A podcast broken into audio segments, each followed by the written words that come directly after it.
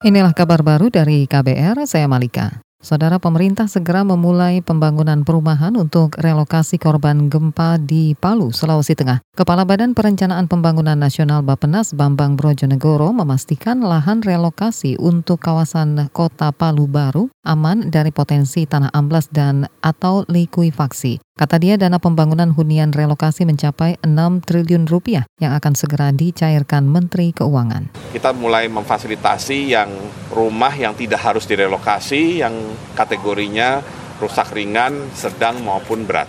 Ya, jadi itu progres yang tadi disampaikan dan akan segera dilakukan percepatan, terutama untuk jaminan rumah juga jaminan terkait di Kemensos ya. Kepala Bapenas Bambang Brojonegoro menambahkan hunian relokasi dibangun dengan model standar senilai 50 juta per unit. Semua pengerjaannya dilakukan Kementerian Pekerjaan Umum. Pembangunan seluruh hunian ditargetkan rampung pada 2021. Kawasan Kota Palu baru juga akan dilengkapi dengan berbagai fasilitas seperti jalan raya, sekolah, rumah sakit, dan rumah ibadah.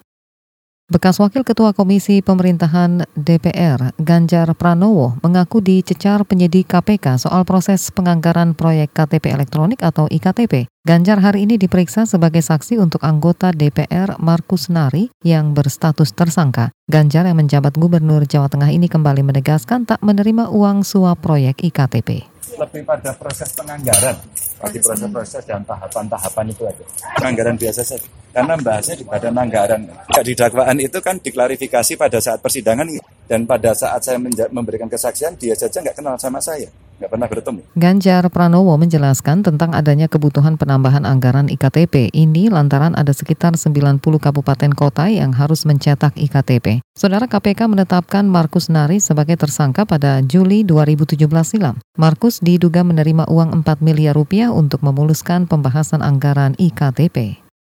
Pemerintah memutuskan pemberangkatan umroh dan haji warga Jawa Barat melalui Bandara Kertajati mulai tahun ini. Keputusan tersebut diambil dalam rapat koordinasi di Kementerian Koordinator Kemaritiman. Menteri Perhubungan Budi Karya Sumadi mengatakan langkah ini bertujuan untuk mengurangi kepadatan di Bandara Soekarno-Hatta pasca penambahan 10.000 kuota haji. Kita bahas haji dan umroh melalui Kertajati.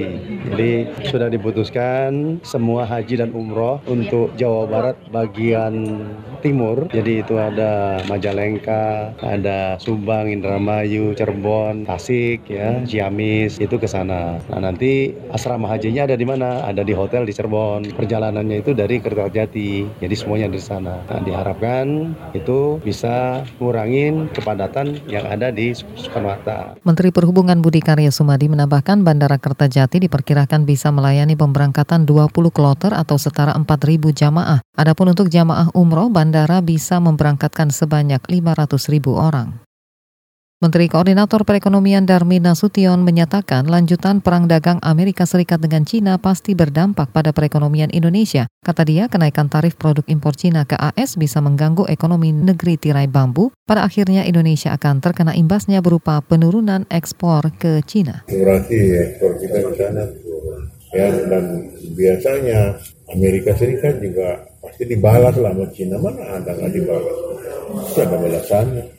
Nanti ada lagi dampaknya melalui Jadi uh, walaupun kita tidak ikut perang dagang, tapi dampaknya pasti kena. Sebelumnya Amerika Serikat menaikkan tarif produk impor Cina menjadi 25 persen dari sebelumnya 10 persen. Pemerintah Cina telah menyatakan bakal membalasnya. Perang dagang antara dua negara besar ini telah berlangsung sejak tahun lalu. Demikian kabar baru dari KBR, saya Malika.